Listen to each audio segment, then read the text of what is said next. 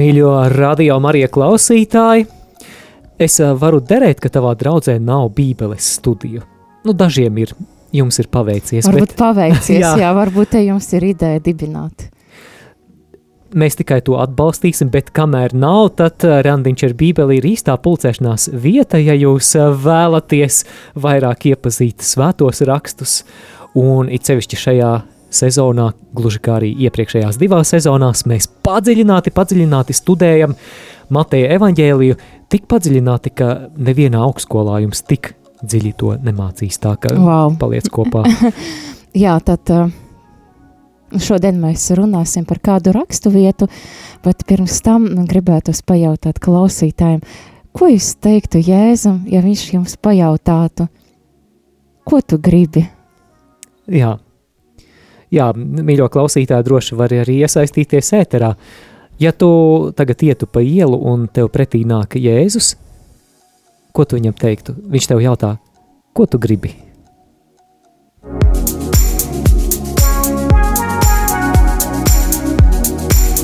Skan Randiņš ar Bībeli.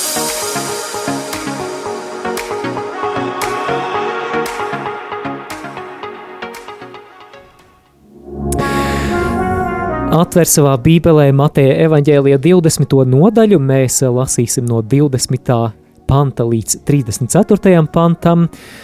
Jā, šī ir tā rakstu vieta, kas mums šodien ir plānā, un mēs šodien arī 20. nodaļu pabeigsim. Jēj! Jei, jā, un uh, sirsnīgs sveiciens arī ikvienam, kas mūs skatās video tiešraidē. Atgādinām, ka šo raidījumu var arī tiešraidē skatīties randiņš ar bībeli Facebook lapā. Jā, un arī Radio Marija Latvija YouTube kanālā. Neaizmirstiet ielaikot, nošērot, iekomentēt. Jā, starp citu, it kā komentāri ļoti labi darbojoties. Jā, ļoti jā, labi kaut, darbojas. Kaut vai un... sirsniņu vai kaut kādu simboliņu ielieciet. Jā, un tad, jā, tad šīs video var aizsniegt arī citus cilvēkus, kuri varbūt ikdienu neseko, ikdienu, iknedēļ neseko šim raidījumam. Jā, tas palīdz izplatīt bībeles vēsti, lābo vēsti, ja, interneta, Facebooka. Jā, ir tā, ja Facebookā tu iekomentē, un jo vairāk komentāru ir, tad jo vairāk cilvēku arī šis ēters aizsniegs. Jā, un kamēr jūs komentēsiet, tad mēs komentēsim šo rakstu vietu. Tieši tā, bet tagad nākam Dieva priekšā, jo Mēs varam tikai akadēmiski sausi studēt šīs rakstu vietas, bet es vēlētos, lai mēs studētu šīs rakstu vietas tā, ka mēs patiešām satiekam dzīvo Dievu, lai viņš patiešām caur savu vārdu izmaina mūsu sirdis, mums pieskarās, jo, manuprāt, Bībeles studijām ir jābūt pārdabiskām, un tas ir iespējams tad, kad svētais gars nāk pār mums un kad viņš ir mūsu Bībeles skolotājs. Lūksimies! Dieva tēva un dēla un svētā gara vārdā. Āmen! Amen. Dievs, mēs tev pateicamies par ikvienu klausītāju, par ikvienu brāli un māsu, kas šobrīd pie radioaparātiem arī par tiem, kuri atkārtojumu vai arhīvā klausīsies. Mēs lūdzam pieskaries mums šodien, mēs eh, lūdzam, lai tu sveitī mūs ar šo vārda patiesību, un palīdzi mums būt arī tava vārda darītājiem. Mēs lūdzam, lai tavs vārds veido mūsu pasaules uztveri, mūsu vērtības, mūsu domāšanu. To mēs lūdzam caur Jēzu Kristu mūsu kungu. Āmen. Amen. Svētais Matei. Lūdz par mums.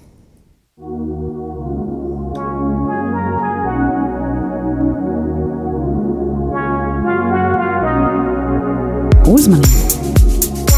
Raidījums vedot klausītāju pa Bībeles dzīļu, aizraujošajiem līkločiem, kur iespējams vēl nekad nav būts, var izraisīt nopietnu atkarību no privāta randiņa ar svētajiem rakstiem ikdienā.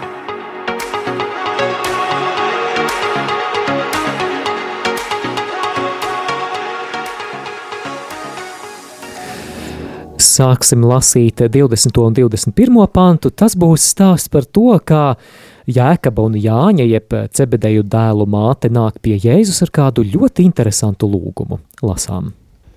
Tad pienāca pie viņa cebedeja dēla māte kopā ar saviem dēliem, metās zemē un lūdza, ko no viņa. Bet viņš tai sacīja, ko tu gribi? Viņa tam saka, saki, lai šie abi mani dēli sēdētu tavā valstībā, viens pa labo, otrs pa kreiso roku. Jā, mēs dzirdējām, ka Cebedēja dēlu māte nāk pie Jēzus un kaut ko lūdz. Man šķiet, ka kaut kādā ziņā šis ir bibliskā humora piemērs. Man patīk tas, ka viņa kaut ko lūdza. Tā ka Jēzus pat nesaprot, ko Jā. viņa lūdz. Jo tālāk mēs lasīsim, ā, mēs, jau, mēs jau lasījām patiesībā, ka Jēzum ir jāpārjautā, ko tu gribi. Es domāju, ik viens no mums esam sastapuši cilvēkus, kuri mums kaut ko stāsta un stāsta, kad mums ir galu galā jāprecizē, bet, uh, draugs, ko tu ar to gribēji pateikt? Jā, un tieši tā, un, jā, un jā, viņa atbild, ko viņa vēlas, un, protams, ka viņa vēlas, ka jau māte, ka jau mātes arī vēlas saviem bērniem kaut ko labāko, jā. Ak, tās mammas. Jā, un viņa arī saviem dēliem, interesanti, ka viņa nesūtīja dēlus, lai viņi lūdz kaut ko, bet pati māte nāca un tad klanījas viņam un, un lūdza, jā. Ak, memmes dēliņi. jā, varbūt tā izteikti tāda, tāda jūdu māte vai kā, kā viņa mēģina tur izveidīt viņam vietiņu, bet, nu labi, es nezinu. jā, bet, ā, jā, tad arī ā, mēs saprotam par Mesijas lomu, jā, tad ā, Mēs zinām, ka Jēzus ir Mēsija, ka viņš valdīs, un viņai valdīs savu valstību ar godību un spēku, un tad viņa vēlas, lai uh, viņas dēli sēž pa, pa labu un kreiso roku, jā, tā kā ierēģi, kā ministri kaut kādi, jā, un tad, uh, jā, viņa vēlas, lai, lai savu labu vietu saviem dēliem. Jā, ļoti iespējams, ka šeit ā, pamatā ir m, pārprasta izpratne par mesijas valdīšanu, kas tajā laikā bija izplatīta. Proti, Jēzus ar mācekļiem dodas uz Jeruzalemi, un ā, iespējams pat daudzi no Jēzus apustuļiem domā, ka tad, kad viņi ieradīsies Jeruzalemē, tad sāksies triumfs. Jēzus kā politiskais vadonis patrieks romiešu varu un sēdēs tronī, un nu, kuram tad tiks tās siltās ā, vietiņas labajā? Maigina jau tagad izbīdīt jā. un noskaidrot, kurš būs Jā. kas. Un zini, kur ir tā ironija, ka patiesībā mēs zinām arī, kas notiks tālāk, ka Jēzus ceļš uz valdīšanu, Jēzus ceļš uz triumfu patiesībā vedīs caur ciešanām un caur krustu. Un kas notika krustā sišanas laikā? Jēzum labajā un kreisajā pusē tika krustā sisti arī noziedznieki. Jā, viņš tika pielīdzināts noziedzniekiem. Jā, kā Jesajas 53. nodaļā ir rakstīts. Un Jēkabs un Jānis, Cebedēja dēli, nemaz nenojauš, ka valdīšana kopā ar Mesiju patiesībā ietver šādu pazemojumu. Bet ā, tagad ā, lasām 22. pantu. Bet Jēzus atbildēdams sacīja: Jūs nezināt, ko jūs lūdzat. Vai jūs varat dzert to biķeri, ko es dzeru? Tie saka uz viņu: Varam gan! Varam gan! Man arī patīk, kā Edmunds, mūsu brīvprātīgais, izlasīja tādu izteiksmi. Varam gan ļoti pārliecinoša atbilde, bet acīm redzot, tas tādēļ, ka Jēkabs un Jānis ir pārliecināts, ka Jēzus šeit runā par kādu valdnieka biķeri ar visizsmalcinātāko, visizturētāko vīnu, ko mīlestā valdnieks dala kopā ar saviem tuvākajiem padomdevējiem vai ierēģiem. Taču patiesībā Jēzus šeit runā par savu ciešanu biķeri. Dzert no šī biķera nozīmē piedzīvot, nogaršot agoniju un krusta nāvi. Jā, mēs vēlāk arī redzam, kā Jēzus jau Getsamenes dārzā arī lūdz par šo bikeri, tad viņš ir ciešanu priekšvakarā, un viņš lūdz tēvu, lai, ja, ja tā ir viņa griba, lai, lai viņš, nu, paņem nos to bikeri, bet, ja, lai ne viņa griba notiek, ne Jēzus griba, bet tēva griba. Jau vecajā derībā biķeris vairākās rakstu vietās, piemēram, 75. psalmā vai Jesajas 51, 17, ir dieva dusmu simbols. Dieva dusmas, kurām ir jātiek izlietām par bezdieviem, par grēciniekiem, par tiem ļaunajiem. Un tad no šajā gadījumā šis Jēzus biķeris nozīmē to, ka Jēzus cietīs grēcinieku labā. Bet pirms mēs lasām 23. pantu, man ir prieks, ka kāds ir uzrakstījis atbildi uz jautājumu, ko tu pajautātu, ko tu lūgtu Jēzum, vai ko tu gribi no Jēzus, ja tu viņu satikt, satiktu šodien uz ielas. Kāds raksta mieru pasaulē, un vairāk mīlestības starp cilvēkiem. O, oh, Amen. āmen, patiešām, lai, lai piepildās šis eh, lūgums. Jā, mēs, eh, mēs jau šo jautājumu, ko tu gribi, eh, dzirdējām 21. pantā, ka Jēzus šai cebedeja dēlu mātei jautā, ko tu gribi, un lai paliek tāda intriga, tāds āķītis mazliet, bet šo jautājumu, ko tu gribi, mēs vēl šodien arī Bībeles studiju turpinājumā dzirdēsim vēl. Bet, nu, tagad lasām 23. pantu. Viņš tiem saka, manu biķeri gan jūs dzersit, bet sēdiet pie manas labās un kreisās rokas, to dot man nepieder. Tas pienākas tiem, kam mans tēvs to nosacīs. Jā, Jēzus atzīst, ka Jēzus biķeri viņa gan dzers, kas uh, ir pravietojums par Jāņa un uh, Jēkaba moceklības gaitām, jo interesanti, ka Jēkabs, Jāņa brālis, Cebedēja dēls, ir pats pirmais mm. no apustuļiem, kurš dzēra šo moceklības biķeri. Un, uh, Jēkabs bija Jeruzalemes. Tas ir cits, Cits Jēkabs, Jā, ai, ai. jā. Jā. Ši, šis ir Cebedēja dēls, bet tad tu, tur vēl ir cits, Cits Jēkabs Jēkabs, kurš bija. Jeruzalemes bīskaps. Un jā, šī moceklība, kā vēsturnieki saka, varēja notikt ap 44. gadu, un mēs pat apustuļu darbos 12.2 lasām, ka Herods Agripa Jēkabu nogalina ar zobenu.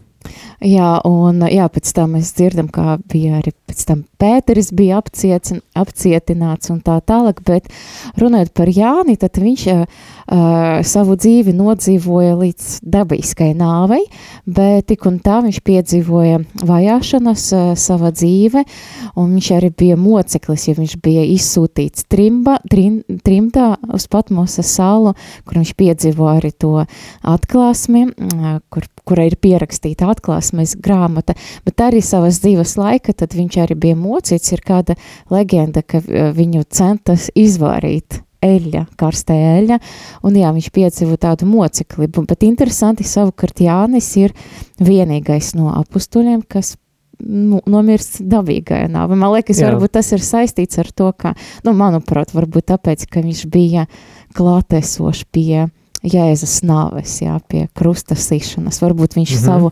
agoniju piedzīvo arī tajā, kā mīra, kā cieta Jēzus redzot to visu. Kas arī ir moceklība, mēs zinām, es domāju, klausītāji, tu zini, cik sāpīgi ir, ka vienkārši sirds uh, vienkārši plīst pušu, kad kāds no tiem, kurus tu mīli, cieš.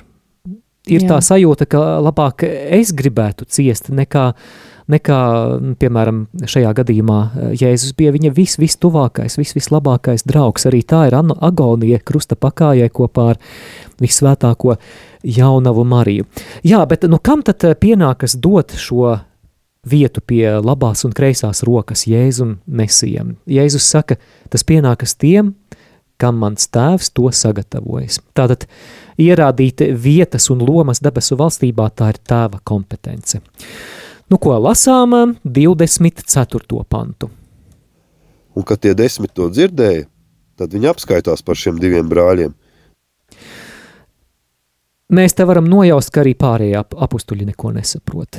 Arī viņiem ir atgādns priekšstats par to, kāda būs mesijas valdīšana, un dzirdot šo lūgumu par atrašanos pie labās un kreisās rokas Jēzum, viņi kļūst greizsirdīgi, viņi ir skaudīgi, tātad viņi ir nemazāk godkārīgi par cebedēja dēliem. Bet, ā, kā mēs dzirdēsim, Jēzus izmanto šo situāciju, lai sniegtu mācību mācekļiem par to, ko tad nozīmē, kā tad pa īstam būt lielam debesu valstībā, un kā mēs dzirdēsim, tas ir pilnīgā, pilnīgā pretrunā pasaulīgai loģikai. Lasām tagad no 25. līdz 27. pantam.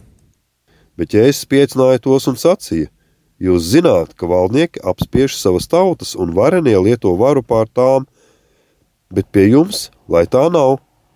Bet kas grib no jums būt liels, tas lai ir jūsu kalps, diakons. Un ja kas jūsu starpā grib būt pirmais, tas lai ir jūsu vergs. Jā, te daudz dziļu domu. Jēzus saka, jūs zināt, ka valdnieki ir kungi pār tautām un ka lielie kungi tās apspiež. Te viņš mācekļiem mēģina atgādināt, kādi tad ir pagānu valdnieki arī tajā laikā. parasti visdrīzāk augstprātīgi despoti, kuriem patīk varas piegarša, kuriem ir personības kults. Man liekas, arī varētu teikt, ka ne tikai pagātne tādi ir personas kulti, ap kuru nu, mēģina pulcināt un uh, savukārt nu, celt to kultu un tai paša laikā apcelt tautu.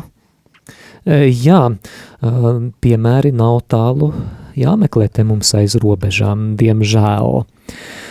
Bet e, debesu valstībā valda pavisam, pavisam citi principi. Jā, tie ir tie Jēzus paradoksi, ka debesu valstībā tik daudz, kas ir pilnīgi citādāks. Mēs iepriekšējā raidījumā runājām, ka, piemēram, debesu valstībā darbojas nevis peļņas, bet žēlastības princips. Arī tas ir ne tā kā pasaulē, bet šeit lielumu debesu valstībā nosaka nevis varas apjoms, kas ir tavās rokās, bet tava gatavība būt par kalpu. Vēlreiz. Tavu lielumu debesu valstībā nosaka nevis varas apjoms, kas ir tavās rokās, bet gatavība būt par kalpu.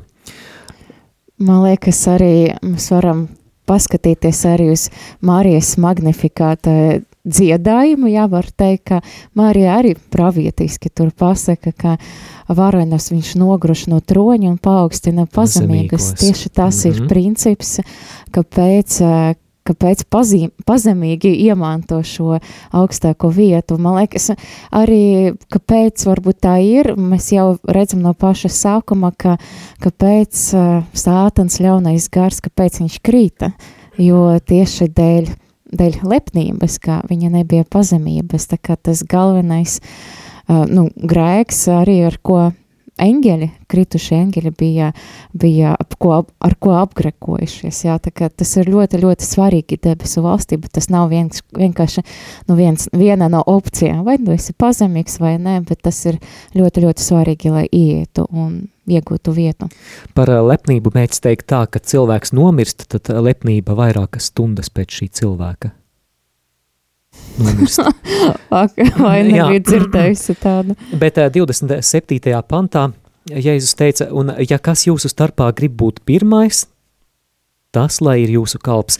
Citiem vārdiem sakot, ceļš uz pirmajām vietām nevis caur paaugstināšanos, bet caur noliekšanos. Jā, runājot par to, man liekas, es kaut kā aizdomājos, vai, vai ja tu nebūsi pazemīgs, tad tu būsi pēdējā vieta debesu valstība. Tad man liekas, tu esi tad apdraud sevi īsti, varbūt tur nepietiks vietas. es tā Jā. sāku aizdomāties, jā. Bet arī mūsdienas, man liekas, par mūsdienas līderību mēs mācāmies, ka mūsdienu līderis, mūsdienu vadītājs ir tas, kas, nu, kalpo, kas palīdz saviem kolēģiem, padotajiem, tad um, ieraudzīt eh, to varbūt virzienu, nevis tā kā skaldi un valdi pēc principa strādāt, bet ieraudzīt, motivēt, eh, es nezinu, aktivizēt eh, savus strādniekus, lai viņi ar prieku varētu kalpot. Un jā, tad arī mūsdienas tad princips strādā par mūsdienīgu līderību. Jā, viens no visautoritatīvākajiem autoriem mūsdienās, kas raksta un runā par līderību, ir Džons Maksvels. Viņš arī Global Leadership Summit ir piedalījies, un Kas būs drīz? jā, starp citu, drīz arī droši varat pieteikties, un viņš sniedz šādu izcila līdera raksturojumu. Līdzās tādām lietām kā pirmkārt raksturs, otrkārt perspektīva vai vīzija, treškārt drosme, viņš arī vēl ceturto elementu piemin labvēlība. Un labvēlība ietver rūpes par padotajiem, ieinteresētību par padotajiem. Tā ir motivācija nevis caur, caur žagaru vai, vai draudiem, tā ir motivācija tā, caur to, ka, ka šie padotie jūtās novērtēti, jūtās cienīti, ka viņi nav vienaldzīgi un, un jā, nu, kaut kā tā. Kaut kā tā, bet arī runājot par arī politisku vārdu, piemēram, mums vi- visiem ir zināms īpaši tagad vārds ministrs, jā, un ko patiesība tas nozīmē, jā, patiesība nosaukums nāk no latīņu valodas minister, jā, ko uh, nozīmē kalps, arī mēs uh, angliski varbūt zinām uh, vārds to minister ir, ir tā kā Kalpot. kalpot. Man liekas, arī uh, baznīca mēs esam dzirdējuši tādu vārdu ministrants. Arī, protams, ka tas Mhm. nāk no vārda kalpotais. Jā, tad aicinājums, Jēzus dod mums tādu aicinājumu, uh, savu lielumu, savu to varu parādīt ar to, ka mēs esam kalpi, mēs kalpojam tuvākajam. Un piemērs tam ir pats Jēzus, kā mēs tūlīt lasīsim 28. pantā.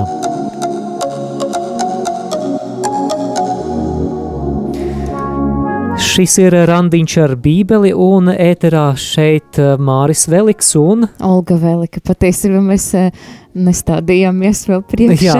Jā, arī tikko to, to atcerējos, bet uh, mīļo klausītāji, ko tu gribi? Ko tu gribi no Jēzus? Iesaisties ēterā, uzraksti mums īziņu vai piezvani uz, uz uh, ētera tālruni, Padalies, eh, kas būtu tas, ko tu Jēzum jautātu, ja šodien ejot pa ielu, viņš tev nāktu priekšā un jūs uzsāktu sarunu. Tad no atgādināsim kontaktinformāciju. Iesaisties ēterā, zvanot uz studijas tālruni 67 969 131 vai rakstot īsiņu uz numuru 266 77 272. Izmanto arī e-pasta iespēju Studija at rml.lv.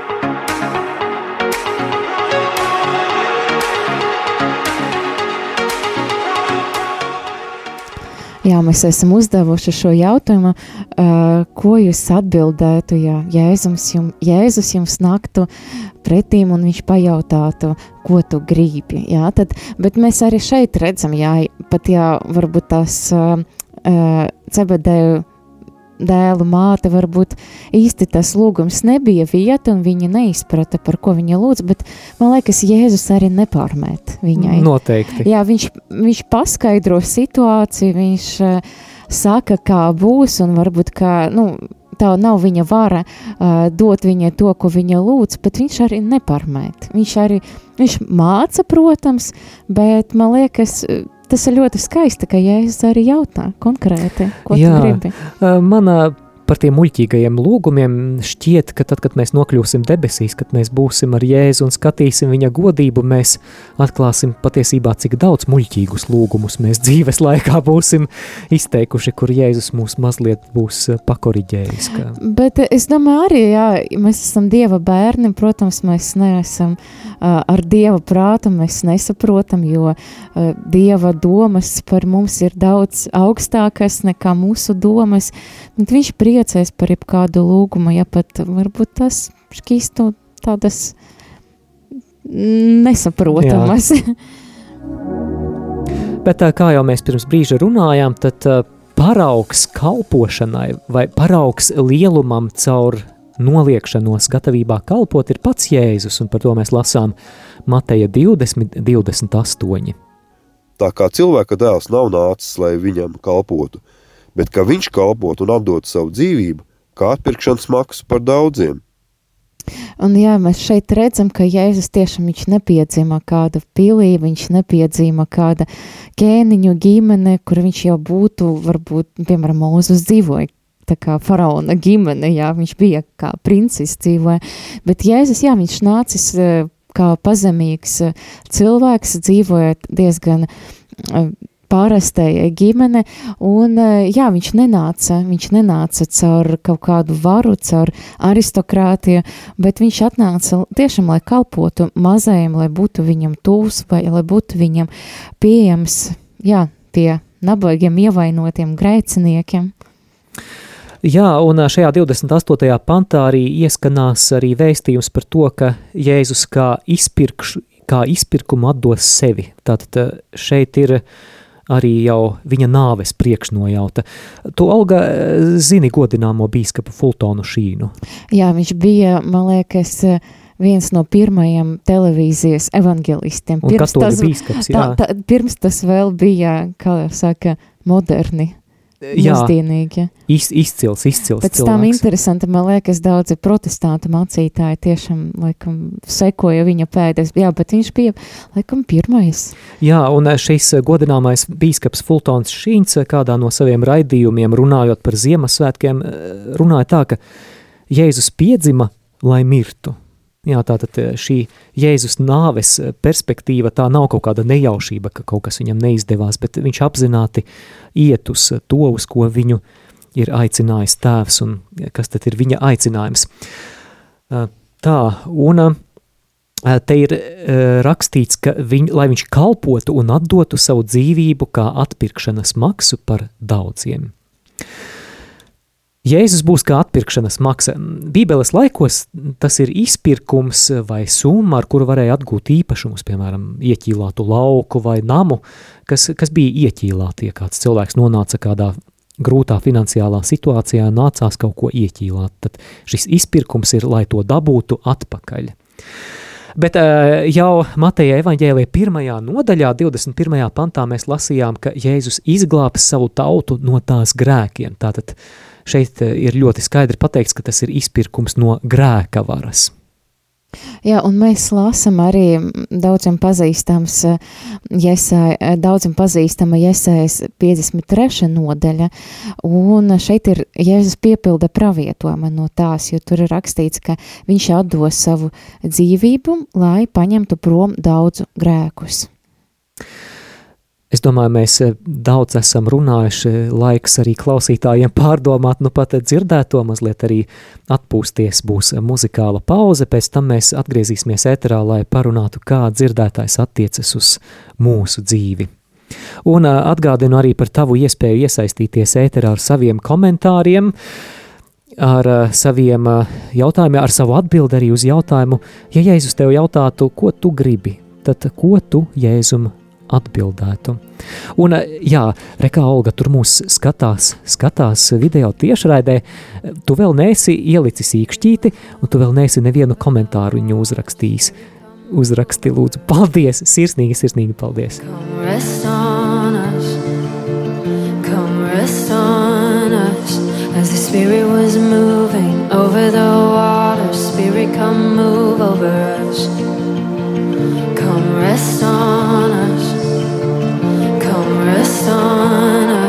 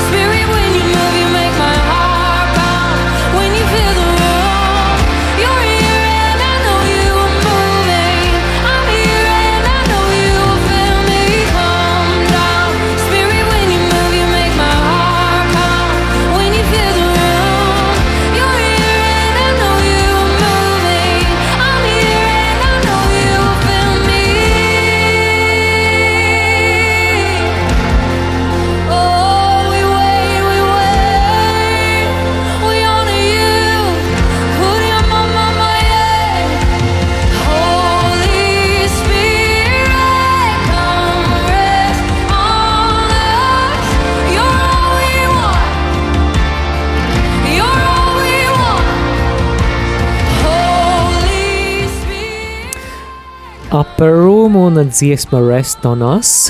Augša, augša istaba. Tūkojas nosaukums, grupas nosaukums. Mēs eh, turpinām mūsu bībeles studijas randiņā ar bībeli 64. epizodē un eh, tuvojamies arī Mateja evaņģēlija 20. nodaļas izskaņai, bet eh, tagad parunāsim par to, kā dzirdētais attiecas uz mūsu dzīvi, tad mēs pagaidām paņemsim šo fragmentiņu par Cebedēja dēlu māti, par Jāni un Jēkabu un par Jēzus mācību par to, ka ceļš uz patiesu lielumu debesu valstībā ir saistīts ar kalpošanu. Jā, man liekas, ka, nu, pirmām kārtām, man liekas, ka mēs ar tevi, Mārija, arī runājam par to, ka varbūt Jānim un Jēkabam likas tas taisnīgi, ka viņi varētu ieņemt kādu labu vietu debesu valstība. Kā nekā viņi jau bija pietuvināti Jēzum.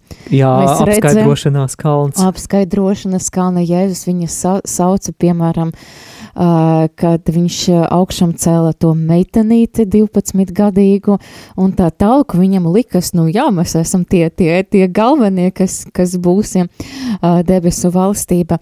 Bet šeit Jēzus runa par to, man liekas, ka nav slikti ieņemt kādu augstu amatu, mēs redzam, ka daudzi arī cilvēki, kas bijuši gan karalī, gan, tā, nu, gan valdnieki, nu, viņi patiesība daudz ko labu arī darīja. Viņi izmantoja savu nu, stāvokli, savas, savu, savas iespējas, lai kalpotu citiem. Mēs zinām, piemēram, svētais Kazimīrs no blakus kaimiņu valsts, jā, viņš bija zināms ar to, ka viņš kalpoja nabagiem. Arī daudzi, daudzi svēti, Elizabete no Ungārijas un tā tālāk.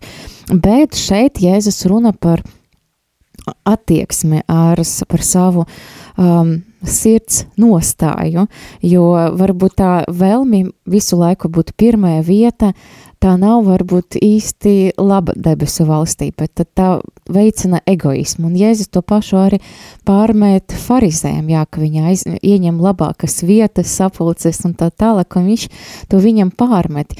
Ir runa par sirds nostāju, vai tu esi gatavs sevi pazemināt un kalpot citiem. Jā, tā Nemeklēt ka... pirmo vietu.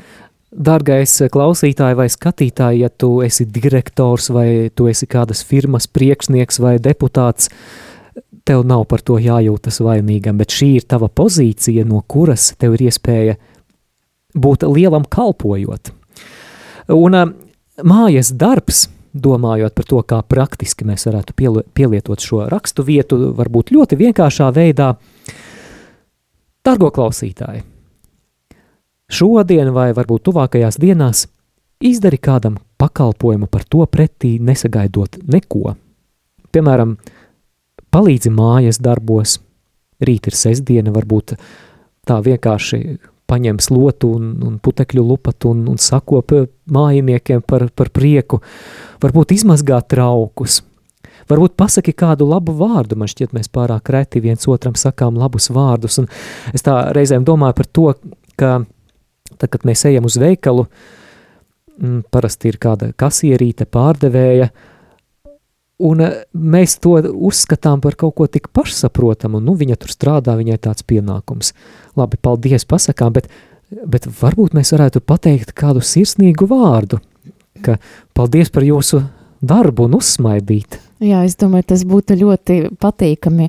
Man liekas, tiešām gatavi gatavība kalpo ir tāda, kalpot ir nobrieduša kristieša attieksme, jā, ka mēs ne tikai varbūt saņēmam visu laiku, bet arī ar skaistu vārdu sirsnīgu, es nezinu, paldies vai kādu citu skaistu žestu, ka mēs varam pakalpot citiem cilvēkiem un varbūt ne uzreiz jā, jābrauc uz Kalkūtu pie žēlsirdības māsam, jā, bet, nu jā, ieraudzīt to veidu, kā mēs varam kalpot. Bet man gribas vēl kaut ko pateikt. Drīkst, jā, droši, droši. Un patiesībā man liekas arī šī rakstu vieta par to, kas vēlas būt eh, pirmais, lai visu ir, ir visu kalps. Uh, tas tā ir atsauce uz iepriekšējo raidījumu māri, kur bija teikts, ka kas uh, pirmie būs pēdējie un pēdējie būs pirmie. Ja man liekas, šī rakstu vieta par pirmie būs pēdējie, pēdējie būs pirmie, nav tikai par sēcību, bet arī par pazemību. Jā, ļoti, ļoti labs novērojums. Tā kā, ja tu vēlies būt uh, pirmais, esi pēdējais, esi citu kalps. Varbūt, uh, kad tad atbrauc autobus, jā, tad tu pastāvi, kamēr visi iekāps, tad, un tu iekāpsi pēdējais. Līdz ar to tu būsi pirmais, kad autobus atbrauks un varēsi izkāpt. Labi, tas ir joks, bet tas ir arī, man liekas, par pazemību.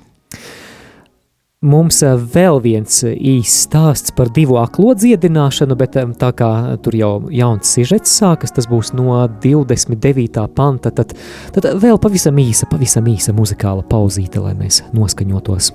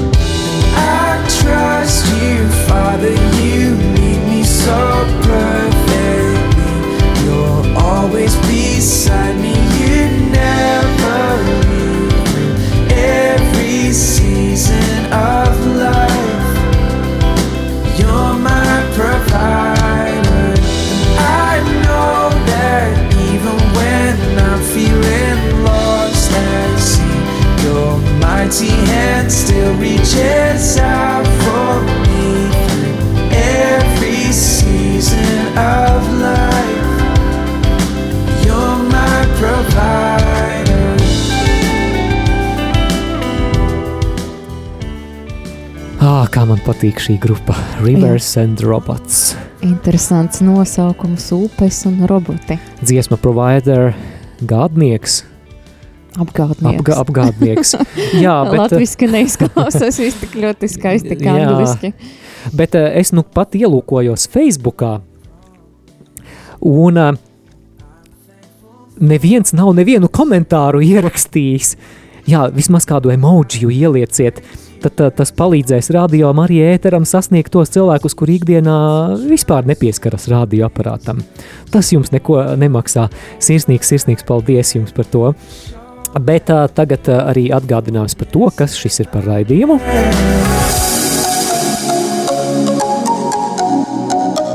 Skan randiņš ar bībeli. Lasām nākamo stāstu 20. nodaļā sākam ar 29. pantu, lasām 29. un 30. Un, kad tie izgāja no Jerikas, daudz ļaužu viņam sekoja, un redzi, divi akli sēdēja ceļmalā. Izdzirdēdami, ka Jēzus iet garām tie brēci, sacīdami, kungs, tu Dāvida dēls apžēlojies par mums. Jēzus ar saviem mācekļiem iziet no Jērikas, tā patiesībā nav tā Jērika, kuras mūrus vecajā derībā sagrāva Jozos vadībā, šī ir jaunā jērika, jo tā vecā jērika palika sagrauta. Un, um, jā, mēs redzam, ka Jēzum seko daudz ļaužu, un šajā ainā parādās divi aklie. Viņi sēž ceļmalā, iespējams, lai ubagotu, un līdz viņiem nonāk informācija, ka garām iet Jēzus. Un uh, uzzinājuši to, viņi sauc skaļā balsī, kungs, tu Dāvida dēls apžēlojies par mums. Interesanti, ka šie aklie lieto titulu Dāvida dēls, kas ir mesijānisks tituls. Interesanti, ka tas nozīmē, ka šie nabaga ubagi, kas bija akli, kas sēdēja ceļmalā, kaut kādā ziņā ir garīgi pat redzīgāki par apustuļiem un, un citiem, kuri, kuri līdz galam nesaprota Jēzus kā, kā mesijas būtību. Tātad jā, viņi, viņi atpazīst Jēzus personā Dieva sūtīto, Dieva svaidīto. Tu esi Dāvida dēls, jo vecajā derībā tika solīts, ka Mēsija nāks no Dāvida dzimtas. Un arī kas interesanti, tad viņa vēlas, lai viņi tiek top dziedināti aklie, un aklo dziedināšana vecajā derība bija vienu, viena no Mēsijas eh, atnākšanas un valdīšanas laika zīmēm, pazīmēm lasām 31. pantu, un uh, nemaz tik viegli šiem ubagiem neiet, jo viņi piedzīvo opozīciju. Bet ļaudis apsauca viņus, lai tie ciestu klusu, bet viņi brēca vēl vairāk sacīdami, kungs, tu Dāvida dēls apžēlojies par mums.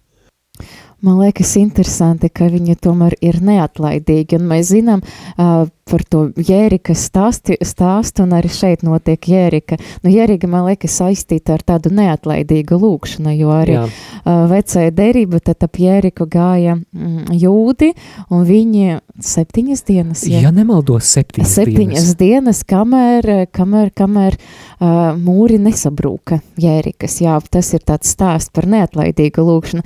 Nu, mēs redzam arī šajā stāsta uh, labu jērikas tradīciju. Viņi tieši nepaliek klusi, viņi neapklūst, bet viņi skā, sauc vēl skaļāk. Kungs Dāvida dēls apžēlojas par mums.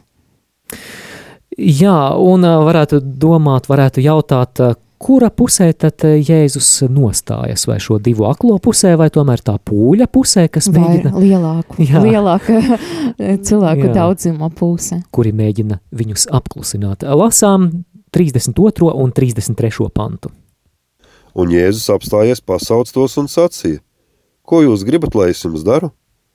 Tie viņam saka, kungs, ka mūsu acis tiktu atdarītas. Atkal jautājums, ko jūs gribat, lai es jums daru? Hmm. Klausītāji, ko tu gribi no Jēzus? Ko tu viņam atbildētu uz šo jautājumu, ja šodien viņu satiktu parkā vai uz ielas? Tāds ir jautājums, eh, kuru atsūti droši īziņas veidā, bet uh, no vienas puses varētu šķist neparasts jautājums. Nu, vai tad Jēzum nav viss pašsaprotami? Viņa priekšā ir divi nepārprotami akli cilvēki. Nu, vai tad tev Jēzu nav skaidrs, ko viņi grib? Viņi grib redzēt. Bet man liekas svarīgi, e, ka Jēzus grib vēlas, lai mēs formulējam mūsu jautājumus, mūsu vēlmes, e, jā, esam specifiski arī mūsu lūkšanas, bet man liekas, ka tas ir saistīts ar to, ka Jēzus vēlēs arī uh, veidot ar mums attiecības, lai nevis tā, kā, nu, Dievs tu visu zini, protams, ka Dievs zina visu, kas, kas mums ir nepieciešams, arī dot arī tādu, kad mēs pat nelūdzam, bet man liekas tas, ko viņš prasa to, palīdz apzināties to, kas, kas man ir vajadzīgs, ko es gribu, bet tajā lai, paša laikā, jā, Dievs vēlas veidot attiecības, viņš uzrunāja šos cilvēkus. Un arī mēs savā garīgajā dzīvē drīkstam uzdrošināties būt specifiski savās lūkšanās. Es atceros, pirms nu, jau diezgan daudziem gadiem es piedalījos kādās rekolekcijās, un e, tur bija diekons Gunārs. Slavenais diekons Gunārs, kurš, kurš svin jubilēju šonedēļ, kalpošana katedrāli. Un e, mēs lūdzāmies rožu kroni, bija programmā rožu kroņa lūkšana, un, un viņš aicināja visus izteikt lūgumus, un ik pa brīdim pat precizēt, viņš, viņš teica precīzāk un konkrētāk. Jā, Kungs, precīzāk un konkrētāk. man finanses. Gunārs, precīzāk un konkrētāk. Cik jā, jā nu, nu, piemēram, piemēram, Dievs man vajag finanses, lai, lai es varētu mm, iegādāties lietotu automašīnu. Tā arī var jā. būt. Un vispēcot pēdējais pants, šodien 34. pants. Bet Jēzus iežēlojies, aizskāra viņa acis, un tūlīt viņa kļuva redzīga un viņam sekoja. Jā, Jēzus ir žēlsirdīgs. Daudz kas ir viena panta izteikts. Jēzus ir žēlsirdīgs, jā, te ir ko pārdomāt. Un tad, kad tu nāc ar savām sāpēm pie Jēzus, tad noticis ka, ka viņš skatās ar līdzjūtību, ka viņš skatās uz tevi ar žēlsirdību. Mums, mums ir īziņa. Mums ir īziņa. Es vēlos līdzināties Jēzus darbiem. Ļoti, mm. ļoti cēli. Jā. Skaisti. Jā. Dievs dzird jūsu mm. lūgumus, jūsu lūgšanas mēs arī dzirdam, bet, nu, Dievs ņem to vērā. Jā, interesanti, jā, ka mm, šie, šie aklie, kuri palika redzīgi, viņi jau bija garīgi redzīgi, ir pat redzīgāki nekā citi, viņi atpazina viņa mesiju un viņa uzdrošināja saukt, un tad arī dabūja, dabūja to brīnumu, bet arī viņi saka sekot Jēzum. Un mēs arī redzam arī cita evangēlija, es nemaldos, varētu būt Lukas, ne, vai kāda cita. Vai Mar marka? marka? Jā, nu, tas, tas būtu jāpārbauda. Būtu jāpārbauda, bet arī ir tas pats stāsts, un tur stāsts par to, ka uh, ka viņi, uh, nu, tajā marka, man liekas, ir Tur viens, ir viens, jā, viens Bartimejs. aklais, Bartemejs, tad viņš arī nomedz to savu veco apmetni un sēko jēzim, ka viņš tā kā atmet to smagumu, varbūt kādu komforta zonu, un viņš atmet to savu veco dzīvi, tā apmet, apmet, apmetņa veidola un sāka sēkot jēzum. Man tas atgādina apustuļa Pāvila vārdus vēstulē kolosiešiem trešajā nodaļā novelciet no sevis veco cilvēku un ietērpieties jaunajā, kas atjaunojas pēc Dieva, tēva un līdzības. Un tieši tā ir pieskariens, kad Jēzus pieskaras, kad izdara brīnumu, tad, nu, cilvēks nevar palikt vienaldzīgs, viņš nevar pat palikt tas pats, jā, viņš vēlas sekot Jēzum, viņš vēlas atmest to savu veco dzīvi, un jā, mūsu Dievs ir tāds, viņš dziedina ne tikai, ne tikai fiziski, bet arī, arī paver, pa, izdara kādu lielaku darbu iekšā sirdī. Jā, un ā, ļoti cēls solis arī no abu izdziedināto puses. Viņi šo brīnumu piedzīvojuši tagad seko Jēzum. Kā dzirdētais attiecas uz manu dzīvi?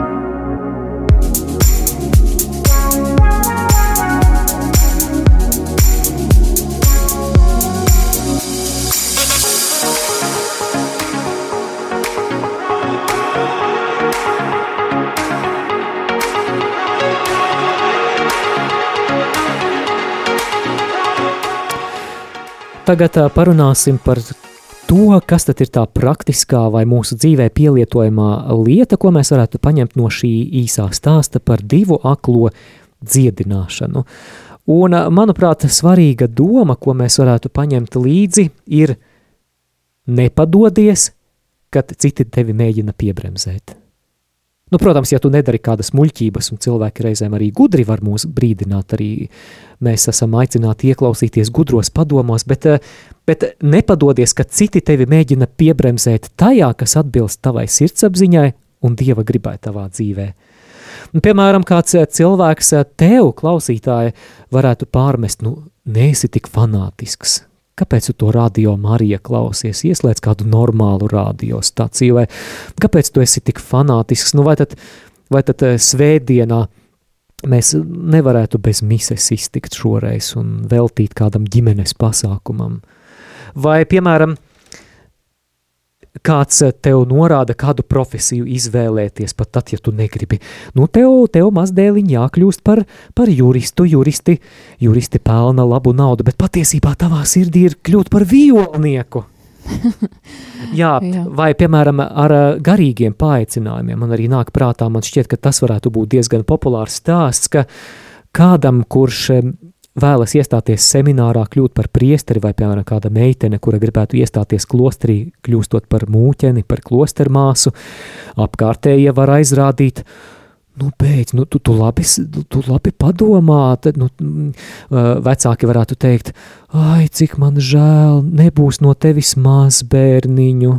Jā, mēģina, mēģina. Jā. Vai t- tieši pretēji reizēm arī cita situācija, cita galējība varētu būt, kad, ā, kad ā, nevis Dievs sapņo par to, ka tu kļūsi par priesteri, bet, mm, bet ā, tavi tuvinieki, tava ģimene cer, ka, nu, mm, kā mēs nosauksim, nu, ka didzītis, didzītis būs labs priesterītis, tas ir mūsu sapnis. Bet varbūt Dievam ir cits aicinājums priekš viņa. Jā, un tāpēc svarīgi veidot attiecības ar Dievu, kur, kur mums arī, kurš mums arī pasaka, ko tu vēlies, ko tu vēlies, kas ir tava sirdi, un mūsu pašas dziļākas vēlmes, ilgas, protams, ja tas nav kaut kāds grēks un tā tālāk, tad tas ir no Dieva, tas saskan ar Dieva gribu. Es atceros, kad es, piemēram, mēģināju atpazīt savu aicinājumu, es gāju Samuela gadu, visiem iesaku jauniešiem, kas meklē savu aicinājumu, un man likas par sevi, ka man jākļūst par tādu, par tādu, par tādu, bet tas bija kaut kāds manas arējas vēlmes, varbūt es nesapratu, jā, ko es patiesībā gribu, un eh, es atceros noslēguma rekolekcijas, es jūtu, ka Dievs man saka, es gribu, lai tu esi laimīga, es gribu, lai tu piepildītu to, ko tu gribi savā sirdi. Un, tas man bija ļoti liels pārsteigums. Jā, un, jā man liekas, svarīgi. Lai mēs savu, savas izvēles balstam nevis varbūt uz citu viedokļiem, kas arī ir labi, ir svarīgi padomi, ir svarīgi garīgi pavadītāji, bet svarīgi skatīties savā sirdī, ja? un jā, kas var, varētu tevi padarīt par laimīgu.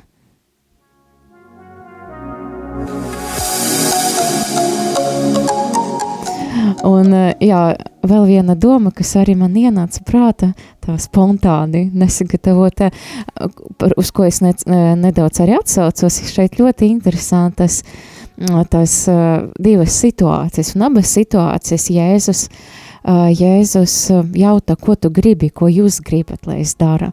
Man liekas, šeit mēs varam redzēt to, ka, jā, pirmajā situācija Jēzus neizdarīja to, ko prasīja šie cilvēki, Sebedēja māte, bet viņš pamācīja, viņš paskaidroja, viņš pamācīja, bet otrajā situācijā viņš izdarīja tā, kā arī tika lūgts.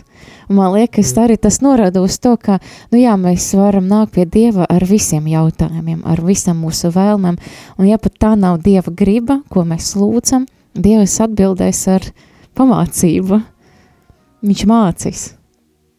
Jā, es domāju, ka visur mūsu garīgajā dzīvē fonā jāpaliek nostājai tēvs nevis mans, bet tavs prāts, lai notiek. Tad nu, tas, ko mēs šodien varētu paņemt līdzi no pirmā stāsta, mēs varam paņemt līdzi atziņu par to, ka ceļš pretī izcilībai vai pretī lielumam debesu valstībā ir nevis caur paaugstināšanos, bet caur pazemošanos. Nevis caur pacelšanos pāri citiem, bet caur kalpošanu citiem. Savukārt no šī otrā stāsta mēs varam paņemt šo domu, ka neklausies, ko tev saka citi, ieklausies tajā, ko tu gribi un ko grib Dievs. Amen. Un šajā brīdī arī raidījumu noslēdzam. Ja tev patika, ja šķita kaut kas vērtīgs vismaz, tad, tad padod tālāk raidījumu, ieliec īkšķīti un uzraksti kādu komentāru arī sociālajos tīklos. Un arī sirsnīgs atgādinājums, ka raidījums randiņš ar bībeli neaizstāja tavus privātos randiņus ar bībeli, gluži kā uztura bagātinātājs neaizstāja pilnvērtīgu un sabalansētu uzturu. Dargais draugs, vai tu lasi bībeli? Ja nē, tad es nākamreiz es tev pajautāšu. Jā, šeit ēterā bijām mēs, Māris Veliks un Olga Velika. Jūs dzirdējāt raidījumu Randiņš ar Bībeli. Savas atsauksmes, ieteikumus un jautājumus sūtiet uz raidījuma e-pastu Randiņš ar Bībeli at gmail.com. Iepriekšējās raidījuma epizodes var atrast arhīvā.